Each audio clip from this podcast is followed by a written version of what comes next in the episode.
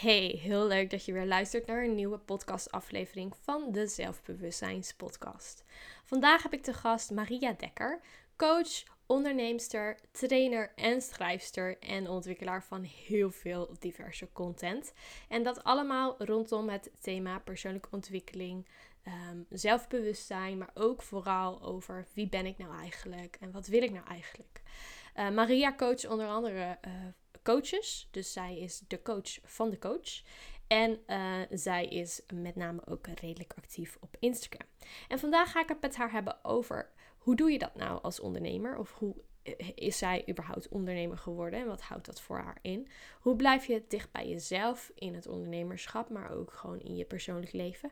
Uh, wie ben je uh, en hoe zorg je ervoor dat je daar antwoord op krijgt?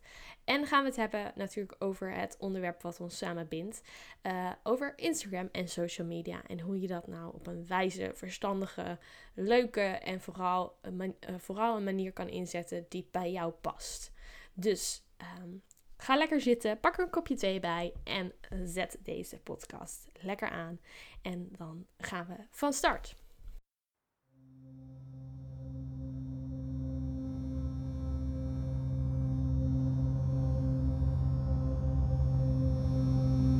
Welkom bij de Zelfbewustzijns Podcast Show. Mijn naam is Stersa en samen met jou ga ik op zoek naar het antwoord op de vraag: wie ben ik en wat wil ik nou eigenlijk? Deze show is voor jou als je meer wilt leren en meer wilt groeien in persoonlijke ontwikkeling en zelfbewustzijn. Leuk dat je luistert en welkom bij de Zelfbewustzijns Podcast.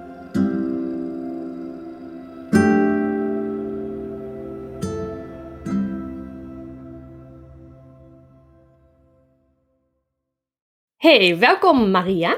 Heel leuk dat je tegenover mij zit op uh, beeldscherm. Mijn tweede podcast op afstand. Um, ik vind het heel leuk dat je er bent. En uh, uh, ik denk dat, ik, dat we twee hele leuke onderwerpen te bespreken hebben vandaag. Dus daarover zo, met, zo, meteen meer. En ik duik graag gelijk een beetje de diepte in. want ik ken jou ook nog niet heel goed, maar ik denk de luisteraar ook niet. Dus wie is Maria? Vertel. Ja, wow, wat een uh, spannende vraag meteen.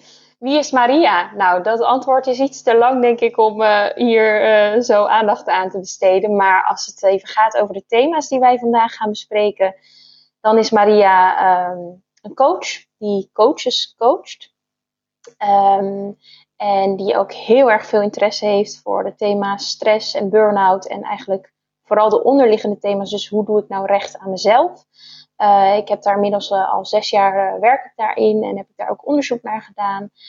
heb ik daar mensen in gecoacht en nu coach ik dus vooral coaches die andere mensen in dat soort thematieken coachen. Um, en dat is vooral even werkgerelateerd wie ik ben. Verder ben ik een jonge vrouw van 30 jaar. En um, ja, heb ik ook heel veel passie voor, voor, voor creativiteit en voor koken. Fijne, mooie producten. Ik ben regelmatig in Italië te vinden waar ik mijn hart helemaal eh, op kan doen op dat gebied. Ik ben graag bezig, actief, buiten. Um, en, en lekker sociaal, maar soms ook heel erg fijn om alleen te zijn. Um, dus een, een, mooie combi tussen een sociaal dier en ook wel iemand die lekker op zichzelf kan zijn en daar uh, heel blij van kan worden. Um, ja, dat is denk ik heel, heel, heel, heel, heel in de notendop wie ik ben. um, maar dat is wat er even als eerste zo in me opkomt. En je, je zegt van, uh, ik ben dus coach en ik coach de coaches. Is dat iets wat je altijd al hebt gedaan? Of is dat nee. zo ontstaan? Dat is eigenlijk ontstaan. Uh, ik heb zes jaar lang uh, echt mensen gecoacht met coachvragen rondom stress, burn-out en loopbaanvragen. Dus waar wil ik heen? Wat moet ik doen? Hoe zorg ik goed voor mezelf? Help, ik zit niet meer lekker in mijn vel al lange tijd. Waar zit het hem in? Uh, hoe kom ik hieruit? En dat kan echt van hele lichtere vragen. Hè? Dus iemand met een meer loopbaanvraag, die vaak ergens tegenaan loopt. Um, help, hoe verder? Maar dat kan ook iemand zijn met een veel zwaardere vraag, dus echt met een burn-out. Dus uh, ik merk dat ik eigenlijk al wel maanden of jaren klachten heb en dit blijkbaar er toch iets anders moet in mijn leven, want uh, ja, ik word er ziek van. Um, dus die vragen variëren heel erg, maar zoals ik net al noemde, de kern gaat heel erg over hoe doe ik nou recht aan wie ik echt ben. Ehm, en daar zijn de vraagstukken vaak, daar, in die vraagstukken heb ik veel mensen gecoacht. Ehm, en eigenlijk tot anderhalf jaar geleden uh, deed ik dat en mocht ik op een duur ook coaches coachen voor een partner. Uh, dus de coaches in het team. En dat ben ik gaan doen en dat vond ik eigenlijk stiekem nog net iets leuker dan het coachen van mensen met stress, burn-out en loopbaanvragen. Dat ik dacht, hmm, misschien moet ik hier wel veel meer mee gaan doen. Misschien moet dit wel mijn focus worden. En dat ben ik uh, nu uh, sinds ja, dit voorjaar heb ik uh, Lune opgestart. Mijn nieuwe bedrijf, waarin ik me volledig richt op het coachen van coaches. En, en, en wat maakt dat dan leuker, het coachen van coaches, in plaats van de, de, de klant, zeg maar? Ja, nou wat ik heel erg mooi vind is dat er een soort drie luik eigenlijk ontstaat, waarin, je, waarin ik dus aan de achterkant de coach help om eigenlijk ja, zijn best mogelijke krachtige zelf te zijn. Waardoor die coach dus weer dat effect ook, uh, nou ja, dat effect zichtbaar is. Ook op de resultaten uh, die de coach dan weer boekt met zijn cliënt. Dus eigenlijk komt, ontstaat er een soort van, ja, nou laat ik zeggen, mijn bedrijf is niet voor niets lumen. Ja, eigenlijk ontstaat er een soort lichtstraal die bij mij begint en die eigenlijk helemaal doorstraalt naar de uiteindelijke coachie. Dus degene die met de, de coachvraag komt. Plus het mooie vind ik, en dat is wel echt een rol die bij mij past, is dat, er, dat ik meer in een helikopter hang, dan dat ik echt in een vraag zit van iemand en um, naast diegene echt loop. Dus ik zit meer, ja, ik hang meer daarboven, kijkend naar het gehele plaatje. En uh, daarin kan ik hele waardevolle feedback geven aan de coach. Uh, of de coach vindt juist een sparringpartner in mij, zodat hij ook weer heeft van hé, hey, als ik even niet meer weet uh, welke kant ik op kan met mijn coachie, dan heb ik daar een sparringspartner met wie ik daarover kan praten.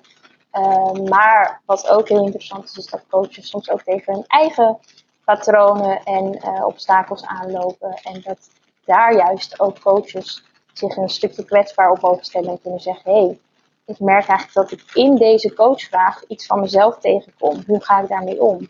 Of, um, nou ja, nou, zo kan ik nog heel veel voorbeelden noemen. Ja, ja, um, ja. En dat mooi. vind ik mooi, juist aan de coachkant. En ik kom ook wel regelmatig coaches tegen die, voor een, uh, die als freelancer werken voor bepaalde organisaties. En die dan moeten voldoen aan hoe de organisatie wil dat zij coachen. Terwijl de kunst juist is, hoe blijf je nou binnen die kaders toch heel dicht bij jezelf, wie jij bent als coach. Mm-hmm. Uh, want we leren als coaches heel erg zeker als je een opleiding, een gedegen opleiding hebt gedaan, leer je heel erg hoe moet ik nou coachen en hoe moet ik coach zijn. Maar hoe voeg je daar nou je sausje aan toe van wie jij echt bent en, en wie jij graag werkt. En ja. dan alsnog een goede coach blijven, terwijl je eigenlijk gewoon heel dicht bij jezelf blijft. En hoe doe jij dat in je werk? Nou, dat is een uh, heel avontuur geweest en dat is nog steeds een avontuur, want zo zie ik het ook. Het is echt een proces waar je, ja, waar je in zit en waar je doorheen gaat. Dus dat, dat doe je niet van de een op de andere dag. Um, maar wat ik heel erg bewust doe, is constant weer terugkijken op mezelf. Uh, reflecteren op, hey, hoe doe ik nu dit? Doe ik dit op een manier die bij mij past? Of doe ik dit eigenlijk volgens, het, volgens hoe het misschien wel moet? Of doe ik dit omdat iemand anders mij heeft gezegd dat dat zou kunnen werken? Of doe ik dit echt omdat dit is hoe ik echt wil werken? Uh, dus reflectie is, een, uh, is daarin een belangrijke uh, ja, Mhm. Um, plus de partners met wie ik samenwerk, vraag ik ook regelmatig om feedback. Hey, kijk eens met me mee. dus ik heb ook weer zo mijn eigen sparringpartners, om maar zo te zeggen. Um, ik heb uh, ja, wel verschillende, dat is voor mij heel belangrijk dat ik verschillende mensen om me heen verzamel waarmee ik kan sparren.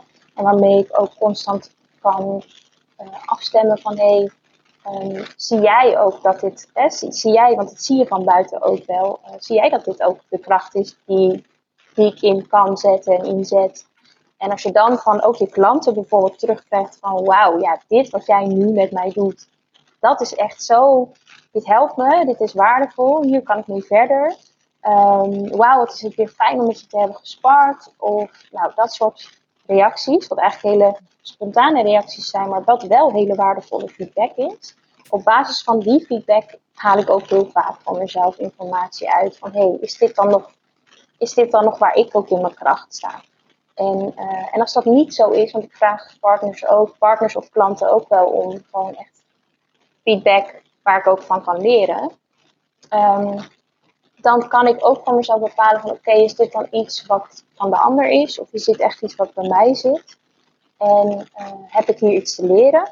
Of heb ik hier iets, iets weg te zetten of af te sluiten wat ik eigenlijk gewoon niet moet doen omdat het niet van mij is? Um, en dat is best zoeken. Dat is echt wel Ja. gewoon, dat, gaat dat, Ja, gaat niet in één dag. Dat is ook een Nee. proces. Ja. Ja. ja. Maar reflectie, eigenlijk hoor ik je vooral reflectie of reflecteren benoemen. Dat, dat is voor jou een van de grootste sleutels, zeg maar, om dicht bij jezelf te blijven. Ja, reflectie en, eh, en, en fijne mensen om je heen verzamelen. Ja. Die weten wie jij bent en weten dus ook waar je kracht zit. Ja. Hey, en want wat zijn dan eh, tools of zo die. eh, want de reflectie is best wel een groot woord natuurlijk. Wat, hè, we- eh, ik kan me voorstellen dat niet iedereen weet wat dat is. Eh, hoe kan je dat nou in je eigen leven toepassen? Hè? Dus als je eh, niet per se als coach, maar gewoon als nou, millennial of jong professional. Hoe zorg je ervoor dat je reflectie kan toepassen om dus dicht bij jezelf te kunnen blijven? Wat zijn dan dingen die jij doet? Of welke vragen stel je jezelf dan? Of, Ja. Heb je daar tools voor? Nou, ik denk dat het sowieso ehm, heel mooi is om voor jezelf te gaan onderzoeken wat werkt voor jou. Welke vormen daarin werken voor je. Er zijn mensen die vinden het heel fijn om, eh, ik noem maar wat, een heel, heel theoretisch iets eigenlijk een reflectiecirkel te doorlopen. Dus eh, je hebt verschillende cirkels, zoals van Korthagen is een hele bekende. De STAR-methode is een hele bekende. Dus er zijn mensen die echt bijvoorbeeld een journal bijhouden voor zichzelf, waarin ze die cirkel bijvoorbeeld elke dag doorlopen aan het eind van de dag aan het eind van de week. En dan geeft de reflectiecirkel hele gerichte vragen waar je eigenlijk dus eh, ja, op een hele gerichte manier mee kunt eh, reflecteren. Dat is een manier. Een andere manier die ik voor mezelf eh, regelmatig toepas, zeker als het gaat over persoonlijke vragen die ik tegenkom in mijn werk. Hè, dus wie ben ik als persoon in mijn werk? Daarbij helpt meditatie mij. Dus eigenlijk voor, ja, ehm, hoe zeg ik dat? Ehm, zet ik mijn reflectievragen ehm, minder mentaal, maar vooral heel erg vanuit gevoel in, in, in een meditatie. Eh, Mhm. en een meditatie klinkt soms misschien wel wat groot, maar meditatie kan ook gewoon zijn, is gewoon gaan zitten op een fijne plek. Nou, wat ik dan heel fijn vind, is mijn raam openzetten, dan in de zon gaan zitten. Dat, is waar, dat is mijn plekje, zeg maar. En eh, dan ga ik gewoon soms zitten, adem ik in en vraag ik gewoon even bij aan mezelf: hey, hoe, hoe is het nu met me? En ben ik nog met de juiste dingen bezig? Dat, Mooi.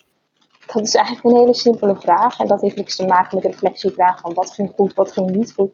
Want dan Mhm. komt er al heel snel een oordeel vaak naar boven. Maar echt gewoon even, hey, hoe gaat het nu echt met me? En ben ik nog met de juiste dingen bezig? En heel vaak komt er dan vanzelf wel iets boven borrelen. Eh, of een gevoel, of iets in mijn hoofd. Of een signaal waaruit ik kan ophalen van hé, hey, dit voelt nu aandacht. Hier is iets nodig.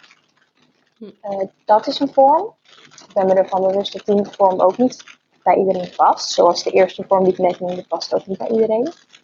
Ehm, wat mij ook heel erg helpt is wandelen. En dan wandelen zonder muziek, zonder hond, zonder vriend, zonder niks en niemand. Eh, want wat gebeurt er tijdens het wandelen? Vaak gaat er dan een soort creatief proces. Dus eigenlijk alles wat in mijn hoofd zit, waar ik er niet bewust van ben altijd, gaat, komt, popt op en, en krijgt een plekje. En ineens, ineens bedenk ik dan, oh ja, ik had nou gisteren dat gesprek met die en die. En eigenlijk is dit wel echt heel erg lekker gegaan. Of, hé, hey, wat voelde ik me toen op dat moment blij? Of, hé, nou is dit blijven hangen en wat moest ik daar ook weer? Misschien moest ik daar wel iets mee en ik heb er niks mee gedaan. Dus dat kan ook een manier zijn om te reflecteren. Mooi. Ja. Ehm, ja, ik denk dat ik, voor ik zet voor mezelf ook verschillende vormen in. De theoretische vorm wat minder, dus echt een cirkel door- doorlopen doe ik wat minder. Ehm, ik heb ook wel eens gewoon een gesprek, bijvoorbeeld een coachgesprek, of een gesprek met een partner afsluit. En daarna meteen een gevoel krijg waarvan ik denk, oeh, dit was nou niet helemaal lekker. En dan is dat gevoel al genoeg om er eventjes bij stil te staan en voor mezelf af te vragen, wat was er dan niet helemaal lekker? Ehm, maar dat heb ik wel moeten leren om dat gevoel uh, toe te laten. Ja. Want uh, ja. ja, ik heb een heel groot deel van mijn leven vooral heel erg in mijn hoofd doorgebracht. En ik kon niet goed contact maken met mijn gevoel. Dus dan kwam er na een gesprek bijvoorbeeld ook niet per se een gevoel boven. Dan kwamen er heel veel gedachten boven, maar niet per se een gevoel. Hmm. Um, dus dat is wel iets wat ik heb moeten leren. Uh, of mogen leren eigenlijk vooral in de, in de loop van de jaren. Oh ja. En hoe is dat leerproces dan verlopen? Want ik herken heel erg wat je zegt. Hè? Dat je dus, ik ben ook echt een hoofdpersoon, kan heel erg in mijn hoofd zitten. En uh, uh, dan juist intunen op mijn gevoel of op mijn intuïtie is dan heel belangrijk. Omdat dat is vaak de weg die ik moet gaan. En die is veel betrouwbaarder dan al die gedachten in mijn hoofd.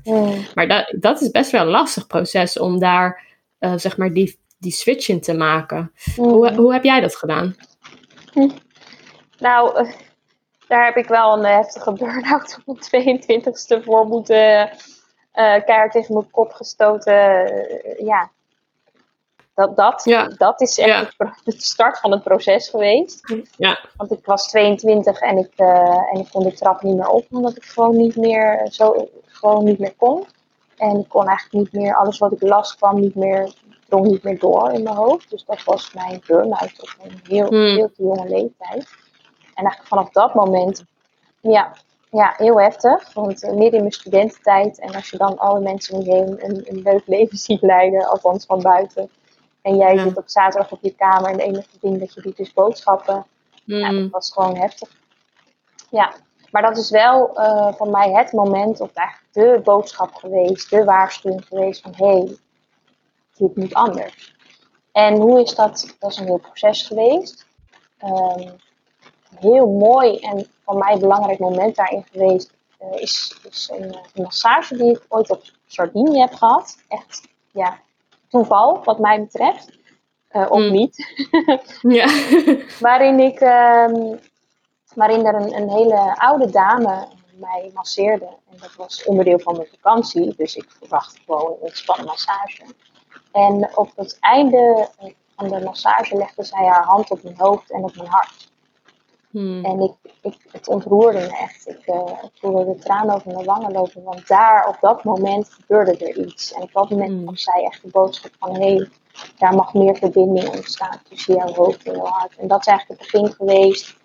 eh, dat was net na de burn-out, dus eigenlijk het begin geweest van echt veel bewuster gaan voelen. En mezelf heel simpel in het begin echt een vraag moeten stellen. Dat voel ik niet. Ja, ik voel eigenlijk helemaal niks. Maar hey, soms nou ja, laat ik zeggen, in dat proces van hoofd naar voelen. En van hoofd naar hart. Want als je voelen zit wel echt in de lijn tussen buik en hart.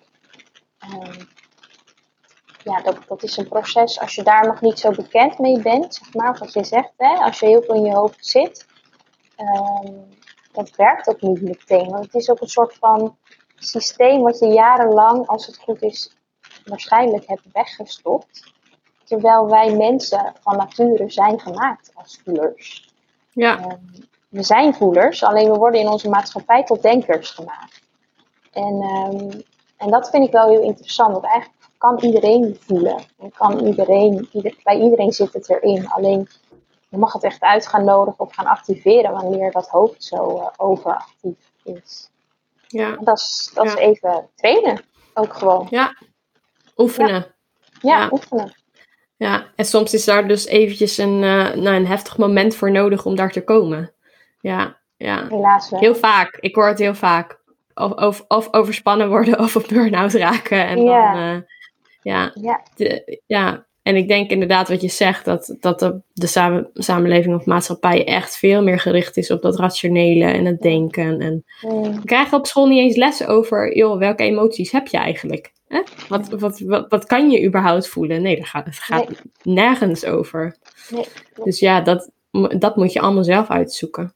Ja, terwijl dat eigenlijk de basis hè, voelen, emoties. eh, nou, ook Ja. hoe werkt ons brein in dat opzicht, want dat, daar, daar begint heel veel.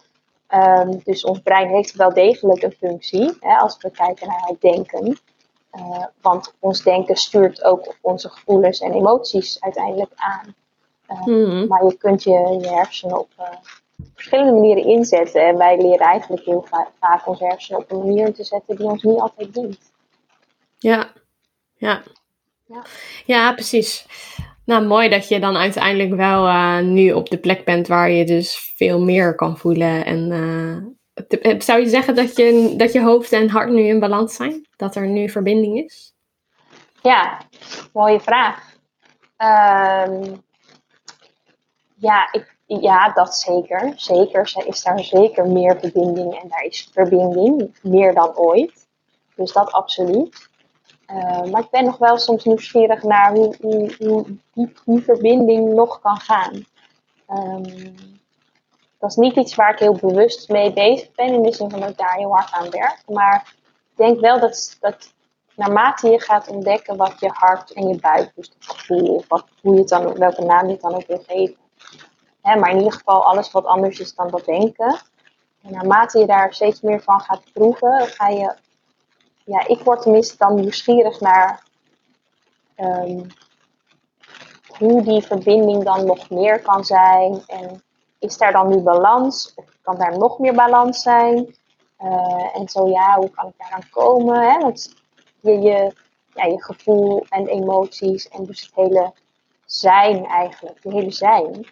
Uh, mm. zoveel hoekjes, denk ik, die nog niet ontdekt zijn. Um, dus daar ben ik dan wel nieuwsgierig naar. Dus, dus ja, in balans, in verbinding vroeg je.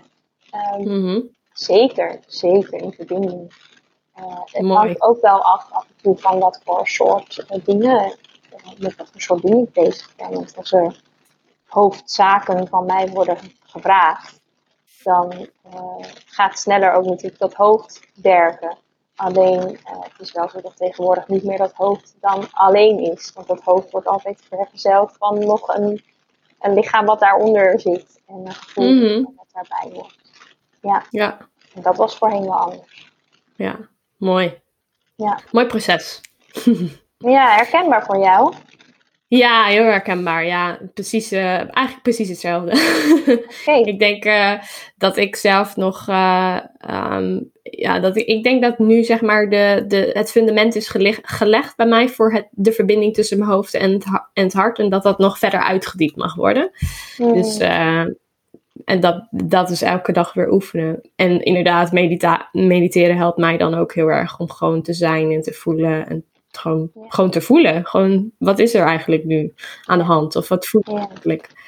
En uh, ja, dat, ik denk dat dat ook het enige is wat je kan doen. Dat je gewoon elke keer weer terug... Je moet gewoon het voelen. Want je kan er wel over nadenken, het analyseren of uh, beredeneren. Maar dat voel je het alsnog niet. Dus je moet de emotie daadwerkelijk toelaten en voelen. Voordat je weer verder kan, denk ik. Ja. ja, en misschien een mooie toevoeging daarop voordat iedereen ook denkt die luistert, ja, voelen, voelen, voelen. juist, juist de combi tussen het voelen en het denken. Dus als die mhm. twee met elkaar kunnen communiceren, dus dat je weet, hé, hey, het een dient het ander, dan wordt het eigenlijk, dan wordt het compleet.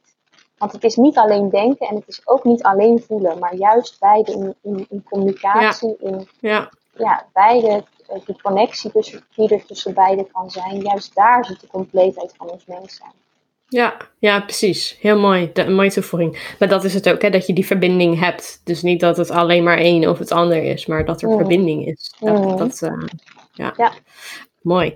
Hey, um, ik zou heel graag uh, twee leuke thema's met jou willen uitdiepen. En de eerste, daar hebben, eigenlijk hebben we het er ook al wel een beetje over, het ondernemerschap. Want ik denk dat dat bij jou ook heel erg te maken heeft met voelen en zijn. En uh, doen wat je leuk vindt en wie je bent, daar uiting aan geven.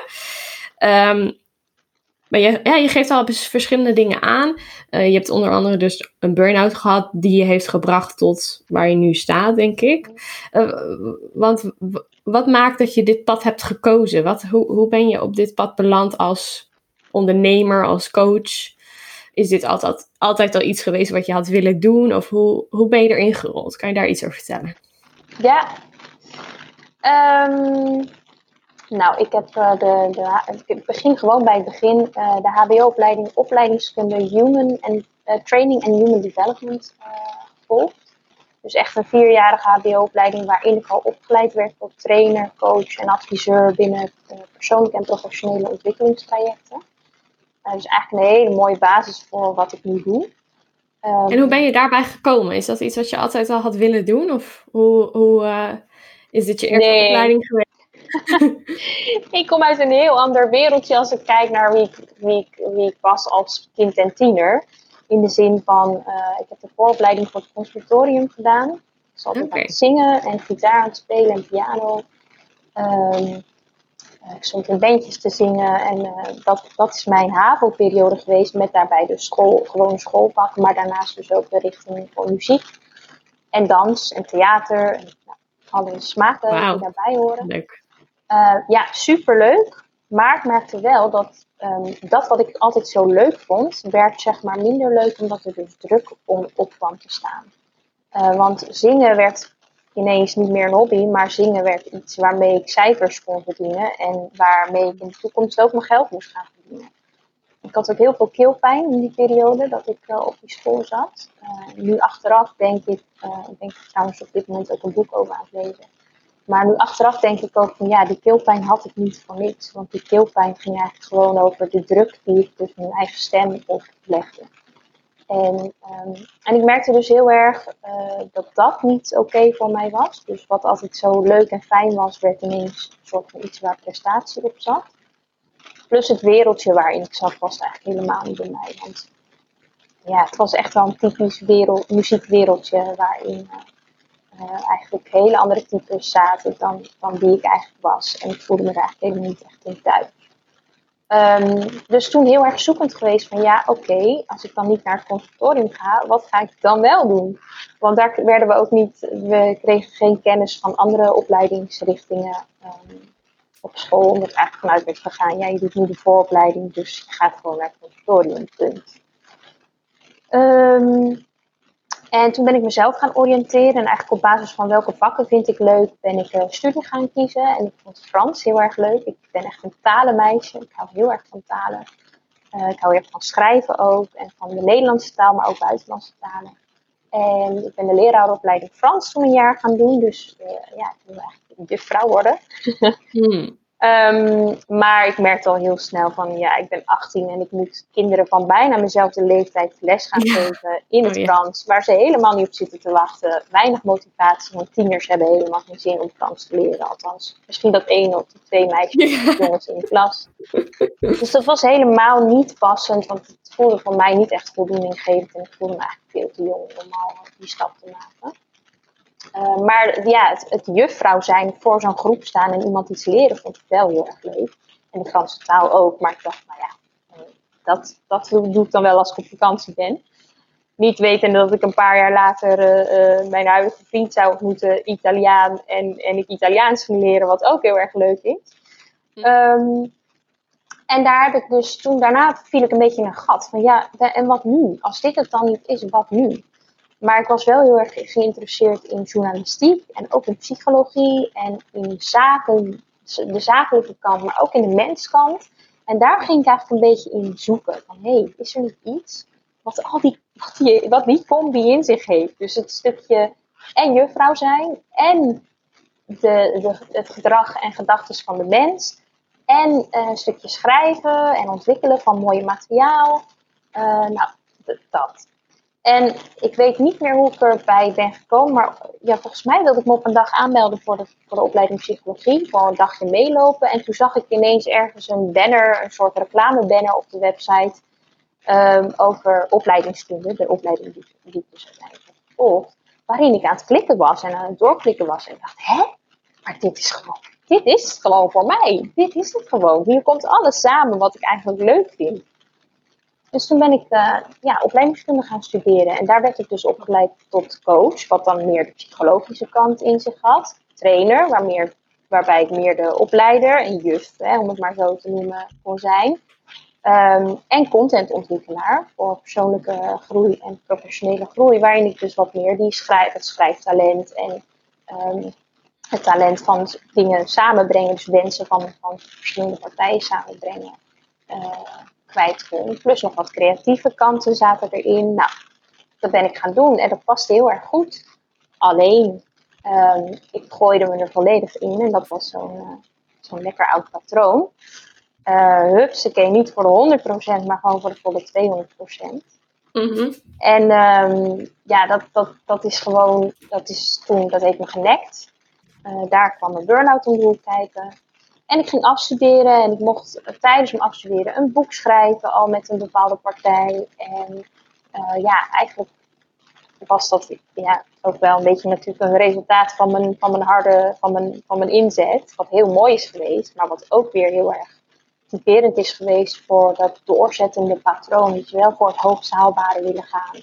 Dus hupsakee, een boek uitgegeven al op, uh, ja, zoals ik toen, 24. Um, hartstikke leuk.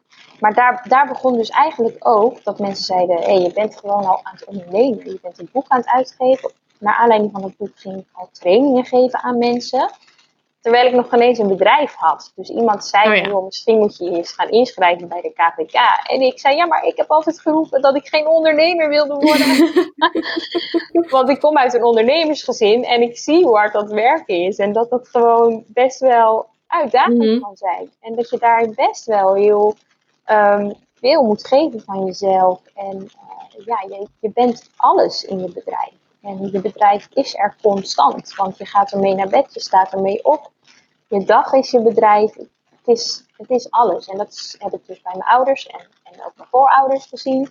En daar verhalen van meegekregen. En ik dacht, dat ga ik nooit doen. Maar dat ging ik wel doen. ja. En zo is het daar gekomen. Ja, en hoe ben je dan daarin gerold? Om dan, of hoe maak je dan die keuze om dan uiteindelijk toch ondernemer te worden? Is dat dan iets waar je inderdaad dus inrolt? Of, of heel bewuste keus? Of... Ja, ik ben er eigenlijk meer ingerold. Door, door activiteiten die ik van, van eigenlijk vanuit nature al op aan het zetten was. Uh, dus ik was eigenlijk aan het ondernemen zonder dat ik het door had. Ja. Uh, hè, dat ah, boek kwam uit. Nou, ik dacht, hé, hey, dat is mooi als ik dan om het boek heen ook nog mensen daarin in kleine groepjes kan, uh, kan helpen, op weg kan helpen. Als ik daar coaches in kan trainen, hoe ze dat weer toe kunnen passen in hun praktijk. Nou, dat ging ik dus gewoon allemaal al doen. Terwijl ik niet door had dat dat dus eigenlijk een vorm van ondernemen was. Dus ik ben er nou, ideaal. Ja, ja, dat wel. Maar het was echt nooit mijn idee. Ik had echt niet verwacht dat ik dat ooit zou doen. Um, maar wel mooi dus dat je eigenlijk zegt, ah, ik wil nooit ondernemer worden. En dan rol je er eigenlijk een soort van redelijk goed in, zeg maar. Dus je hebt dan, ja, perfect toch? Eigenlijk. Dat is heel erg van nature gegaan. Ja, ja. ik weet niet of ik het nog steeds zou doen, maar als ik heel eerlijk ben, als ik nu terugkijk en ik zou zes jaar terug in de tijd mogen gaan. Nou, als we een iets uh, meer smooth en uh, makkelijker opstart zouden hebben kunnen doen, had, had kunnen doen, had ik dat misschien ook wel gedaan. Dan had ik misschien gewoon een baan gezocht, het, het, het reguliere, reguliere straatje. Hè, dus een mhm. baan zoeken en dan naast mijn baan langzaam aan mijn bedrijf opbouwen. Uh, dat had misschien achteraf gezien iets relaxter geweest. Want als je meteen voor jezelf gaat beginnen, nou jij weet het misschien ook. Ja. Um, dan komt daar gewoon heel veel bij kijken. En als je dan 24 bent en net afgestudeerd, ja, ja. dat is best wel heel wat. Ja. Als ik het nu achteraf bekijk, hè. Ja, precies. Want wat zijn je struggles geweest? Heb je dingen waar je echt tegenaan bent gelopen? Of? Nou, sowieso het bewaken van je eigen energie. Dat is echt uh, een hele grote struggle geweest. Want ik uh, hè, had op mijn 22e een burn-out en toen ik net op mijn 24e mijn eigen bedrijf oprichten, uh, had ik eigenlijk bijna weer mijn tweede burn-out. En gewoon bam, volledig, volledig er weer in ging. Uh, en over mijn eigen grenzen en lang doorwerken en veel werken. En dat allemaal in het eerste jaar ook onbetaald. Want je, iedereen zegt ook ja, dan kunnen we je naam voor, in ruil voor dit. En dat doe je allemaal maar. En tegelijkertijd denk je, ja, hè, maar dit kan toch niet de weg zijn.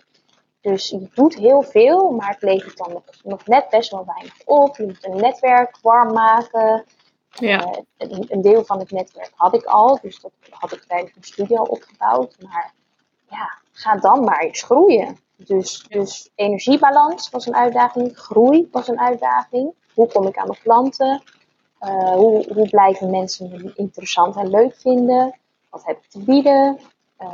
wil de markt dat ook nog steeds van mij? Dus echt die, heel erg die, ja, die marktkant was ook een struggle, want daar was ik helemaal ook niet in opgeleid. Dus dat is gewoon, dat is dan zoeken. En dan Hmm. ga je als jonge ondernemer, ik ging daar niet direct hulp bij zoeken. Ik denk, nou ja, ik zie wel hoe ik dat dan ga, ga tackelen. Ehm, nou, jezelf aan partners verbinden, wat dan ook een uitdaging is. Welke partners kun je vertrouwen, welke niet. Want hè, dat, dat, dat is ook iets waar je dus, waar mijn intuïtie en gevoel, er komt die weer eh, Oh ja. een hele mooie richtingaanwijzer in zijn geweest. Van hey, voel als iemand met je samen wil werken, dan voel je eigenlijk al heel snel, wil ik dat Ja. wel of wil ik dat niet.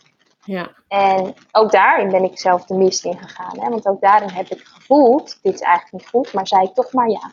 Mm. Want ja, je wil, je wil iets opbouwen, dus dan zeg je toch maar ja.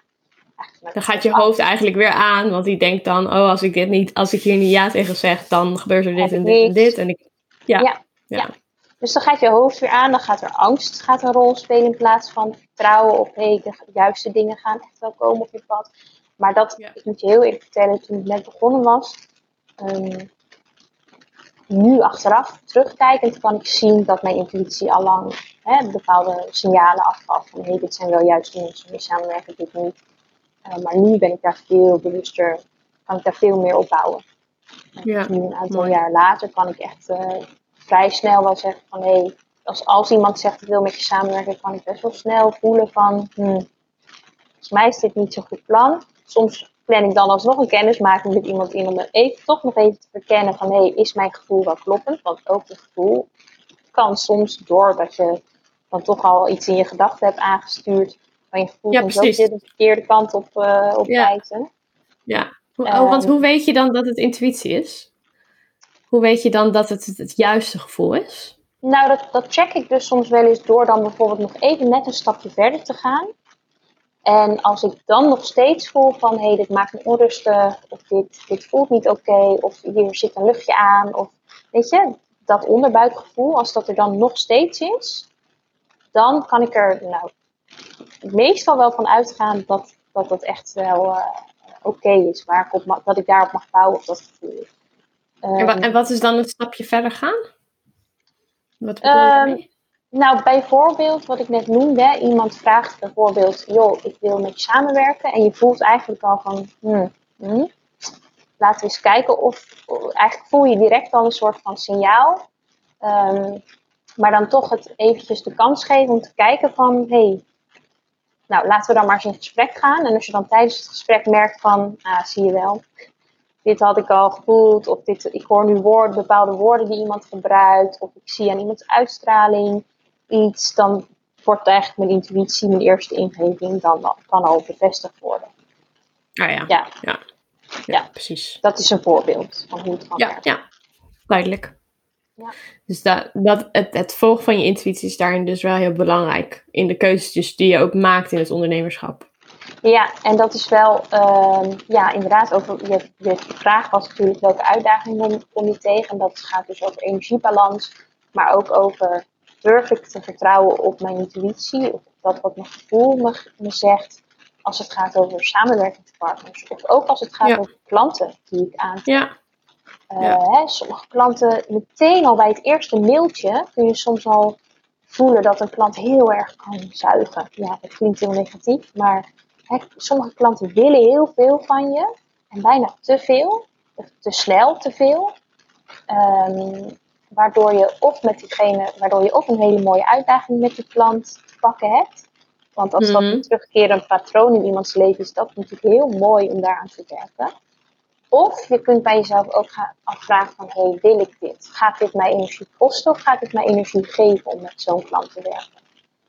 Ehm, moet ik er wel bij zeggen dat hè, als je eh, de noodzaak hebt tot klanten, dan ga je daar natuurlijk al heel anders mee om dan wanneer je de luxe positie hebt om klanten af te Ja. ketsen.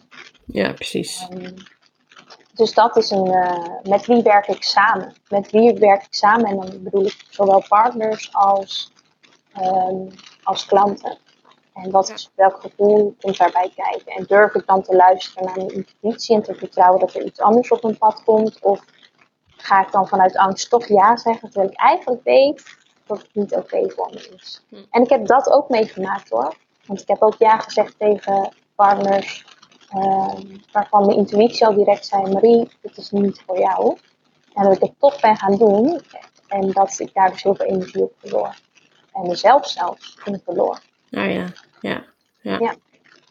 Dat is heel leerzaam. Ja, Maar dat is ja, wel een ondernemerschap. Ja, stap voor stap, hè? Ja.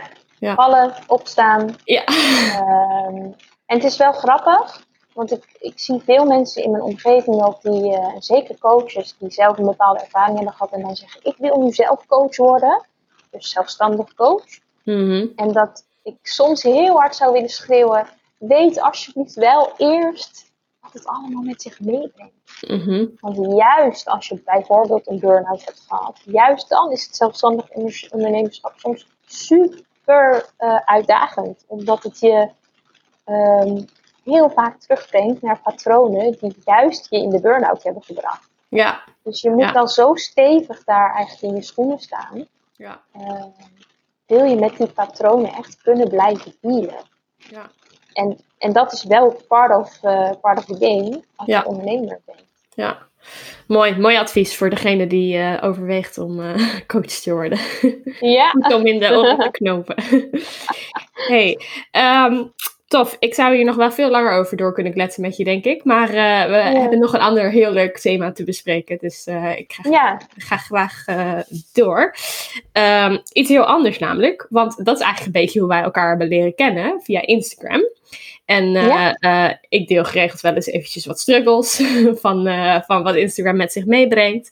En nou ja, eigenlijk kwamen we zo een beetje in contact daarover. En ehm, dacht ik, hoe leuk zou het zijn om daar ook samen even over in gesprek te gaan. Van, eh, hoe, ja, wat, wat is eigenlijk de impact van social media op ons leven? Dat kan op, op jou als ondernemer zijn, maar gewoon überhaupt als persoon. Eh, waar hebben we wel niet allemaal mee te maken tegenwoordig? Eh, En dan zoom- zoomen we vooral even in op Instagram. Het geldt natuurlijk ook voor Facebook, eh, Twitter, eh, weet ik veel wat er tegenwoordig nog allemaal bestaat. TikTok is ook weer helemaal nieuw. Volgens mij, ja, daar ben ik dan weer niet helemaal niet van op de hoogte. Maar anyway, ehm, dit, en dit is gelijk even een nieuw onderdeel in mijn podcast. Want ik heb nog niet eerder zo gedaan. Maar ik zou heel graag een aantal stellingen aan jou willen voorleggen. En dan aan jou de vraag of dat waar of onwaar is. Dus of dat van toepassing is of niet. En ehm, nou ja, waarom wel, waarom niet. Dus eh, ben je klaar voor? Ready? Ja, misschien wel even een, een, een, leuke, een leuk om te benoemen. Ik vind het wel opvallend dat jij zelf zegt, ja, nu even weer iets heel anders. Terwijl voor mij hangt dit thema echt heel erg samen met over waar we het net over hebben gehad. Ja. Dus voor mij zit die echt helemaal in lijn van Mooi. Dicht bij jezelf blijven. En eh, wie ben je als ondernemer? Wat wil je uitdragen? Wat niet? Ga je mee in de stroom of ga je, kies je je eigen stroom? Eh, ga je op dat gevoel of ga je op het moeten vanuit je hoofd? Nou ja, Ja. die thema's waar we het net over Ja. hebben gehad, passen volgens mij juist heel mooi bij eh, dit, dit volgende stuk. Ja, ja nee, dat- wa- zeker een goede aanvulling. Want ik denk dat voor veel juist het. ik denk dat veel mensen Instagram juist zien als iets heel aparts. Of iets wat losstaat van jou als persoon of als ondernemer. Of in ieder geval doet blijken hè, dat het losstaat van jou als persoon. Dat je het Mm. heel, heel ander beeld geeft. Ehm, maar goed, Mm. dat is ook gelijk mijn eerste, eerste stelling. Dus eh, dat is eh, mooi om mee te starten. Ehm, op Instagram ben ik mijzelf. Is dat waar of onwaar voor jou? Waar? Want? Moet ik ook toelichten? Nou, graag. Ja. Of hoe, hoe, Nee, hoe zorg waar? je ervoor dat je jezelf bent op Instagram? Nou, sowieso vind ik het wel leuk om eventjes eh, te noemen dat ik gisteren een gesprek had met iemand en diegene zei: Dat wat jij uitstraalt op Instagram is volgens mij echt gewoon wie je bent. De rust, maar wel een bepaalde eh, krachtigheid, de kleuren die je daar kiest. Ehm, mijn bedrijf past ook heel erg bij wie ik ben en bij de missie die ik heb. En die komt echt heel erg van, vanuit die. Ehm, en daar heb ik ook weer mijn huisstijl op aangepast. En die huisstijl die draag ik ook weer heel erg uit op Instagram. Dus in de kleuren die ik kies. eh, maar ook in de foto's die ik daarin kies. eh, en in de teksten die ik schrijf. Dus de posts die ik post. Ehm, en dat, dat komt allemaal heel erg vooruit, voort uit wat, wat ik graag de wereld in wil brengen vanuit wie ik ben. Ehm, dus, dus ja, daarin eh, laat ik echt wel zien wie ik ben. Ehm, in soms de struggles die ik mooi verwoord. Of in soms de mooiere dingen die ik terugzie bij mijn klanten of in mijn eigen leven.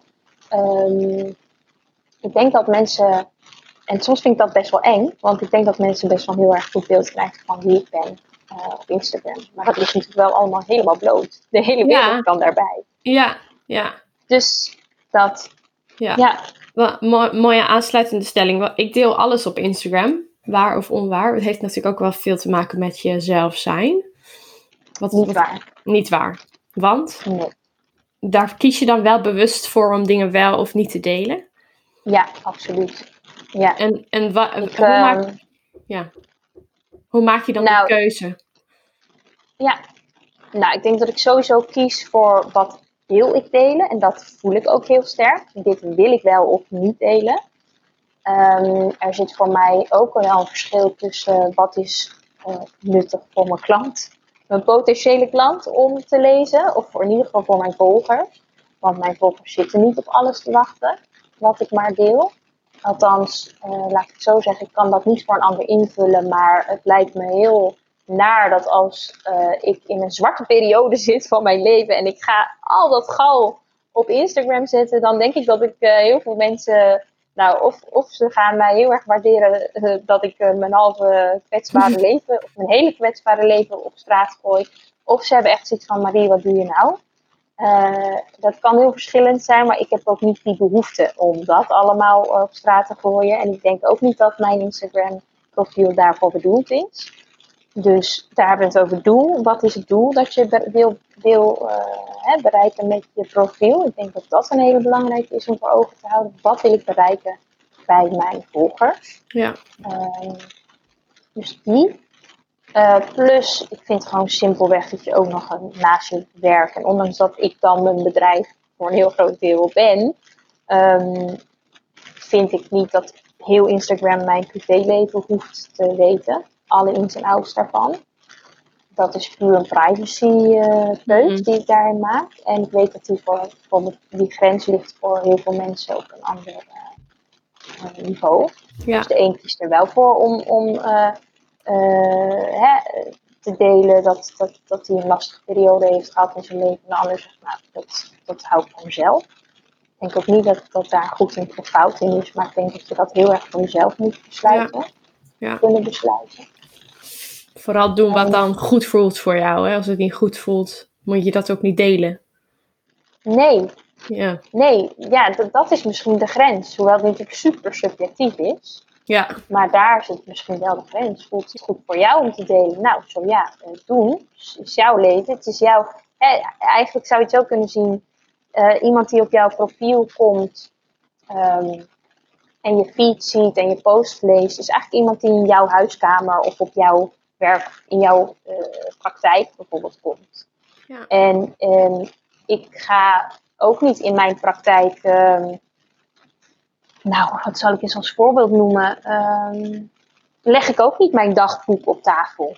Als mijn klanten mijn praktijk in, in, inlopen, dan liggen daar misschien wel boeken op tafel, maar niet mijn dagboek, want dat is mijn dagboek. Weet je? ja, ja, Dat. precies. Ehm, of zal ik ook niet foto's van mijn vriend en mij eh, op vakantie of in de sauna of weet ik veel wat delen? Nee, dat is van mij. Ja. Dat, hoeft niet, dat hoeven mijn volgers niet te zien, want dat heeft helemaal niks te maken met het doel wat ik Ja. wil ja. bereiken op eh, Instagram. Mooi dat je dat zo scherp voor jezelf hebt. Ik denk dat dat voor veel wel lastig is. Omdat je ziet natuurlijk heel veel eh, om je heen. Ook van ondernemers, eh, coaches. die bijvoorbeeld wel heel veel privé delen. En, veel persoonlijk zijn. Of, Ja.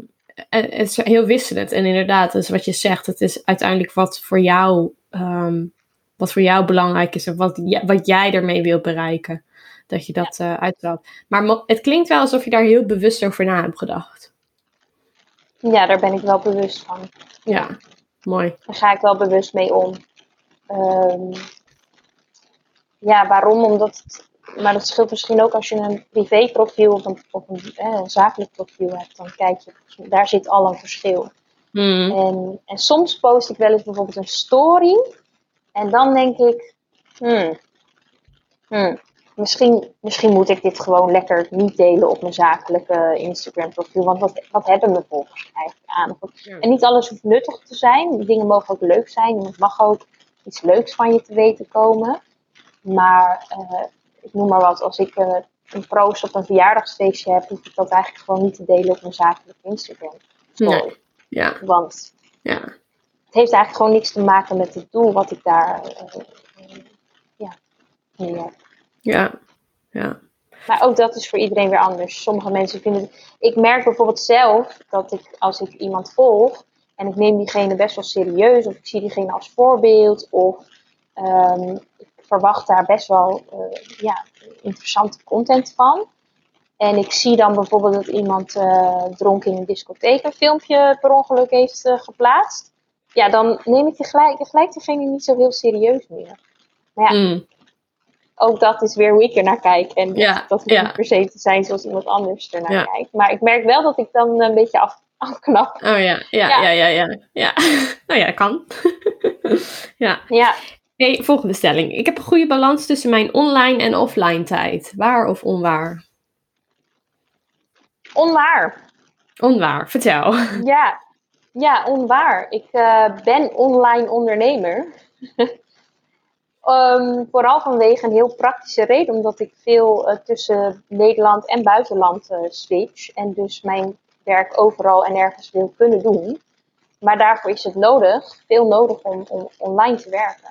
Ja. Terwijl dat niet altijd een vorm is die mijn voorkeur heeft. Ben ik even heel eerlijk in. Hmm. Ehm, ik werk namelijk ook heel graag offline, maar dat is gewoon niet praktisch met hoe mijn leven in elkaar zit. Ehm, en naar mijn smaak ben ik daardoor, dus door, door de vorm waarin ik mijn werk heb gegoten, vanwege praktische omstandigheden, ben ik te veel online, vind ik zelf. En dan heb je het vooral ook over op Instagram online zijn, toch? Dan heb ik het over Instagram en dan heb ik het ook over mail. Dan heb ik het ook Ja, over eh, LinkedIn, waar ik ook wel redelijk actief ben. Eh, maar dat is vooral omdat mijn bedrijf dus online Ja, is. ja. En, en ik zonder online eh, niet echt mijn bedrijf kan, kan, kan hebben. Mhm. Ja. En, en ehm, hoe zorg je dan wel dat het soort van in balans blijft, voor, eh, wat, dat het voor jou oké nog oké is, zeg maar. Omdat je aangeeft van, hè, liever ben ik meer offline. Mhm. Hoe zorg je er dan voor dat het, dat het online gebeuren je leven niet gaat beheersen, bij wijze van? Ja, goede vraag. Want dat heeft het namelijk wel een tijdje gedaan. Zeker toen ik met Lume had opgestart. Want dan ben je constant, heb je constant een soort van het idee. Ik moet nu wat posten, ik moet nu iets doen. Want, want mijn bedrijf moet eh, hè, bekend worden. Of nou zo. Een soort van moeten, moeten, moeten. Nou, daar ben ik heel snel van afgestapt. Want daar werd ik helemaal niet gelukkig van. Eh, maar dat is wel wat ik ook wel zie om me heen gebeuren. En dat is ook waar, waar wij het over hadden, hè? ehm, eerder al eventjes. Eigenlijk de aanleiding ook was onze, ons contact. Ehm, wat ik doe is soms bewust offline gaan. Of een langere periode of een kortere periode. Wat mij heel erg helpt is dat als ik bijvoorbeeld aan het werk ben op mijn computer, dat ik mijn telefoon bewust uitzet of wegleg.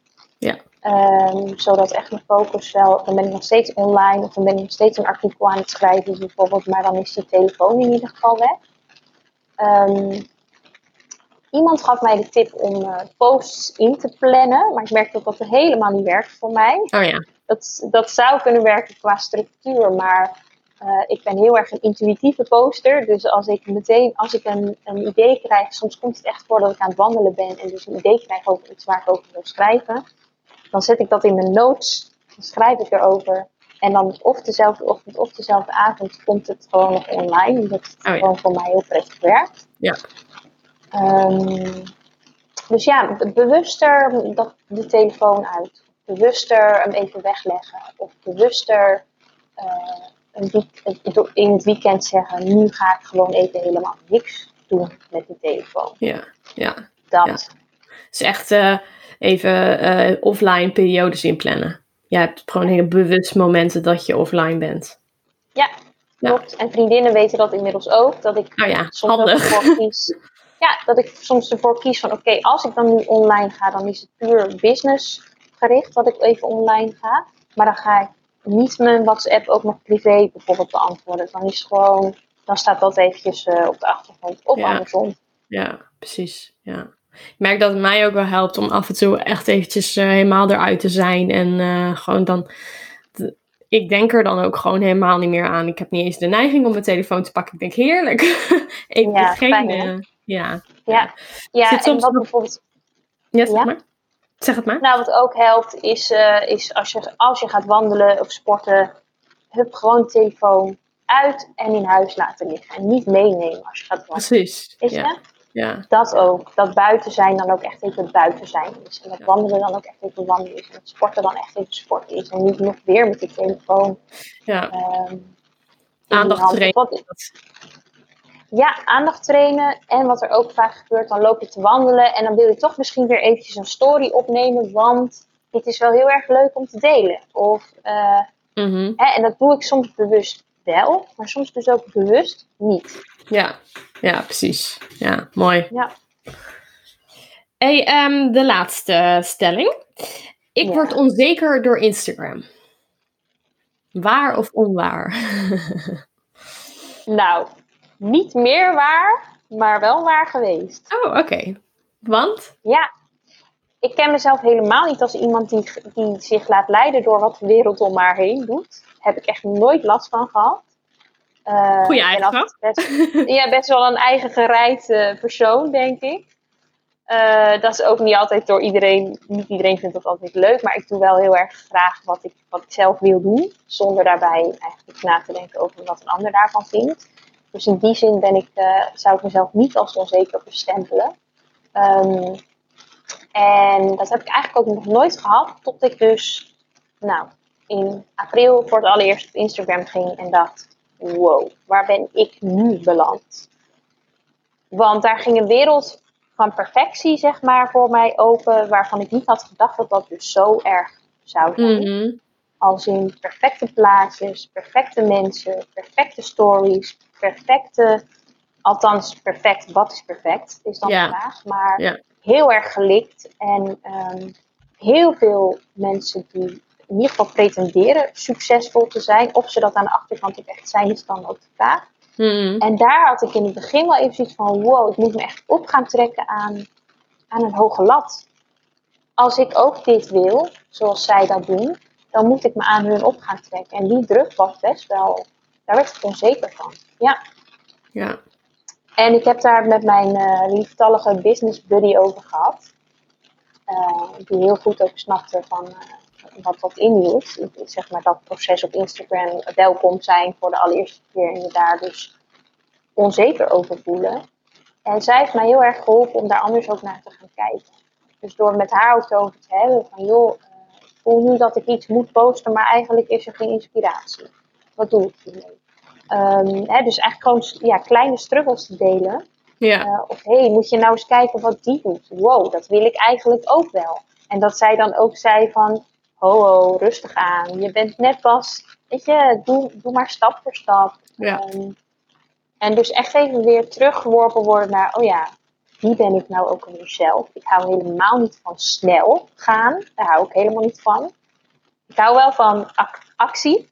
Maar Mhm. het hoeft voor mij niet per se snel. Want wa- wat ik dus heel veel zag was, ja, ik heb nu duizend volgers. Wow, eh, dit en dat. Dat ik echt dacht, oh, maar wanneer komen mijn duizend volgers? Ja, Daar ben ik nog lang niet. Ja. En later ging ik echt zien bij mezelf van, hé, hey, oké, ik zit op, nou, nu geloof ik op 330 volgers, zoiets. En bij, dat ik echt bij de 250 of zo dacht, hé, hey, maar ik heb wel volgers die mij volgen omdat ze mij gewoon graag willen volgen. En waar ik Mhm. ook zelfs nog aan de achterkant via persoonlijke berichten echt persoonlijk contact mee heb. Wat is nou waardevoller? Duizend volgers of meer, hè? Want duizend is Mhm. nog eigenlijk niks, maar in de, in de begrippen van. Instagram. Ja. Ehm, maar dat ik dacht, ja, wat is nu waardevoller? Heel veel volgers hebben, waar ik eigenlijk niet eens van weet wie het zijn. Of, en dat is dus wat ik waardevoller vind, ik betekent niet dat jij dat ook waardevoller moet vinden, maar of minder volgers hebben, Hmm. maar waar ik wel persoonlijk contact mee heb. Ja. Ja. En dan hoef ik dus helemaal niet zo snel te groeien. Dan hoef ik dus helemaal niet te hebben wat die ander heeft. En Ja, mooi. Ehm, en ook heel erg te kijken, dus heel erg kijken naar wat is van waarde voor jou. En dan gaat er al een heel groot stuk onzekerheid, kan er dan al afgaan. Ja. Ehm, plus, ja, dat geldt eigenlijk voor natuurlijk heel veel dingen in het leven. Jezelf niet vergelijken met die ander. Want die ander kan nog zo'n mooi plaatje uh, van buiten laten zien, maar je weet dus niet wat er aan de achterkant bij iemand zit. En dat is de, een beetje de gevoel van Instagram, zeg maar. Dat het aan de voorkant er heel gelikt uit kan zien, dat je niet weet in welke shit Ja. iemand Ja. aan de achterkant zit. Ja. Want dat zal niet iedereen delen. Nee. En, ehm, en, en daarom, daarom is het dus ook niet nodig om onzeker te worden van Instagram. Nee, precies. Ja. Mooi. Mooi. Ja. Goeie boodschap. Word niet onzeker van Instagram. Kijk. Dat in de oren. Ja, Het Ja, lijkt ben allemaal heel heel perfect, maar achter, achter de schermen gebeurt er genoeg waar je niet vanaf weet. Nee, we zijn allemaal mens. precies. En het gaat dus e- elke keer weer om, wat ik jou ook hoor zeggen, gewoon terugkomen bij jezelf. Hé, hey, wat wil ik nou eigenlijk? Wat vind ik belangrijk? Wat, wat wil ik uitstralen? Waar, hè? Uiteindelijk is het jouw leven, dus je moet ook het er zelf mee gaan doen. Door Ja, andere En mannen. dat is heel lastig, hè? Ja, Want we schetsen dat nu een beetje alsof, eigenlijk is de basis gewoon dit en dit. Maar, maar eigenlijk Ja. is het heel lastig. dat is het allermoeilijkste, denk ik. Het allermoeilijkste van het leven om dat te leren. Juist, want hoe doe ik dat dan? Hoe blijf ik dan dicht bij mezelf? En wie is dat dan eigenlijk, die, die Ja. mezelf? Ja, Ja. Ehm, en ook bij de coaches hè, die ik om me heen zie en die ik begeleid, zie ik die vragen van hé, hey, ik wil eigenlijk gewoon coach zijn. Ik wil eigenlijk gewoon goed zijn in wat ik doe in mijn vak. Zonder dat ik heel, een heel marketingslinger daar omheen moet hangen en me druk moet maken over perfecte foto's. Kijk, ik heb van de week een fotoshoot met mijn business buddy gedaan en ook nog apart van elkaar. Maar ik vind dat super leuk om te doen. Maar als je dat niet leuk vindt, doe het dan gewoon lekker niet. nee, precies. Weet je? Ja, ja, ja, Dat, dat. ja. Maar dat is inderdaad, kan, kan behoorlijk lastig zijn als je, eh, als je nog heel erg in een patroon zit waarin je het door anderen laat leiden. En, eh, Ja, want denk- iedereen doet het zo. Ja, dus moet ik precies. het toch ook zo doen? Nee, niet. nee. Maar dat is goed dat, dat, dat er mensen zijn die dat wel vertellen en blijven vertellen. Denk ik dat het heel belangrijk is. Ja. Ja. ja, ik denk het ook. Ik denk het ook. En het is constant weer terugkomen bij jezelf inderdaad. En te raden gaan van, hey, is dit nog passend voor mij? Dan komen we weer terug op eh, de beginvraag. Even zitten, Ja. gaan zitten. Ja, Voelt dit Ja. nog goed? Is dit nog passend? Gaat dit nog over mij? Of gaat dit eigenlijk over, ben ik eigenlijk het verhaal van iemand anders aan het leven? Ik postte er toevallig vanmorgen nog iets over. mooi. Leef ik mijn eigen pad of leef ik het pad van een ander? Ja. Ja, Ja. heel belangrijk. En een les die we denk ik ons hele leven moeten leren. Dat eh, is niet in één keer geleerd. Hm? Nee. Tof. Hey, eh, eh, we zijn dan bij het einde gekomen. En ik sluit altijd mijn podcast af met eh, de vraag aan jou of jij een praktische tip of tool te delen hebt. Misschien wel over Mm. hoe gebruik je Instagram of hoe, hoe, doe- hoe word je ondernemer of iets over het ondernemerschap. Wel, wat, wat, is, wat is jouw tip of tool die iemand bij wijze van morgen al kan toepassen eh, en mee aan de slag kan gaan? Wat is de meest waardevolle tip of tool waar jij het meest aan hebt gehad, die je weer wilt doorgeven? Ja, het is niet de meest makkelijke misschien, maar wel de meest waardevolle. Nou, Namelijk die basis waar we het net over hadden. Ga bij jezelf te raden wie je werkelijk bent. Wie ben jij echt? En een check is daarbij, wie ben je als niemand kijkt? Of als niemand jou om jou, stel je zou Remy zijn, helemaal alleen op de wereld. Wie ben jij dan? En wat doe je dan? En ehm, waar hecht je dan waarde aan? Eh, en waar word jij dan blij van? En ga daar, ga daar eerst voor jezelf een goed beeld van vormen. En dan, als je daar een beeld van hebt, dan ga je ook in je uitstraling als ondernemer. En in je uitstraling op Instagram. En in wat je wel en niet post. En in wat je wel en niet zegt of doet. Daar ga je veel scherper beeld van krijgen voor jezelf. En dan kun je hem steeds toetsen aan. Past dit of dient dit wie ik ben? Maar dan Mooi. moet je wel eerst naar die basis. Ja. Die is denk ik het allerbelangrijkste.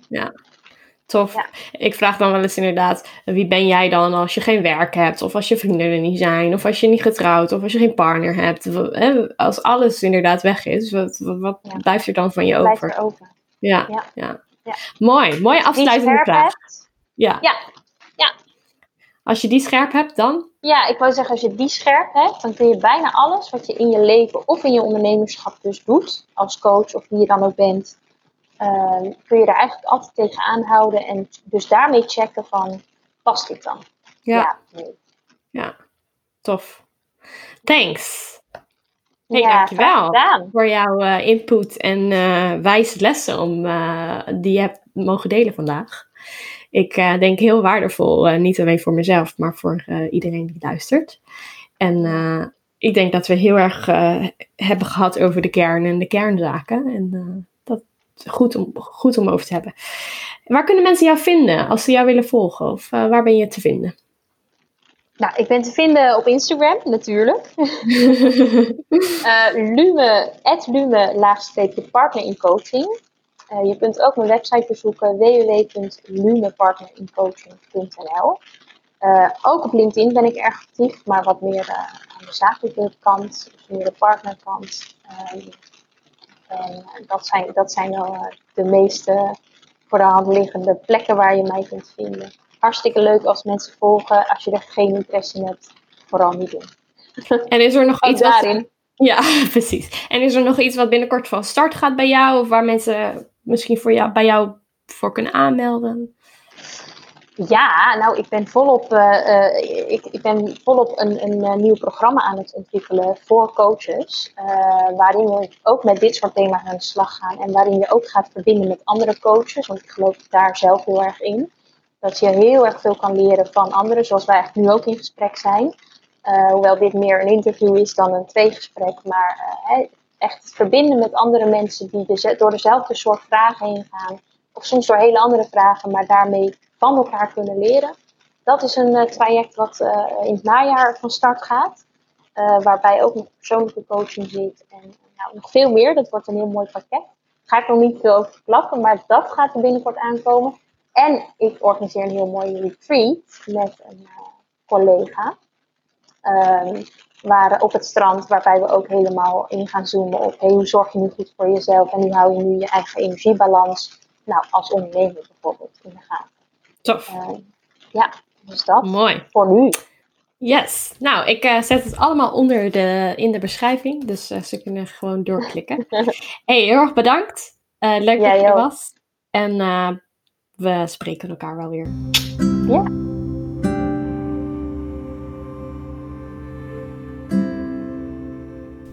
Bedankt voor het luisteren naar weer een nieuwe podcastaflevering van de Zelfbewustzijnspodcast. Ik zou het heel leuk vinden als je ook wil abonneren of volgen in je favoriete podcast-app en of je ook een recensie wil achterlaten. Hoeft niet, mag wel, maak je mij heel erg blij mee. Bedankt voor het luisteren en tot de volgende keer.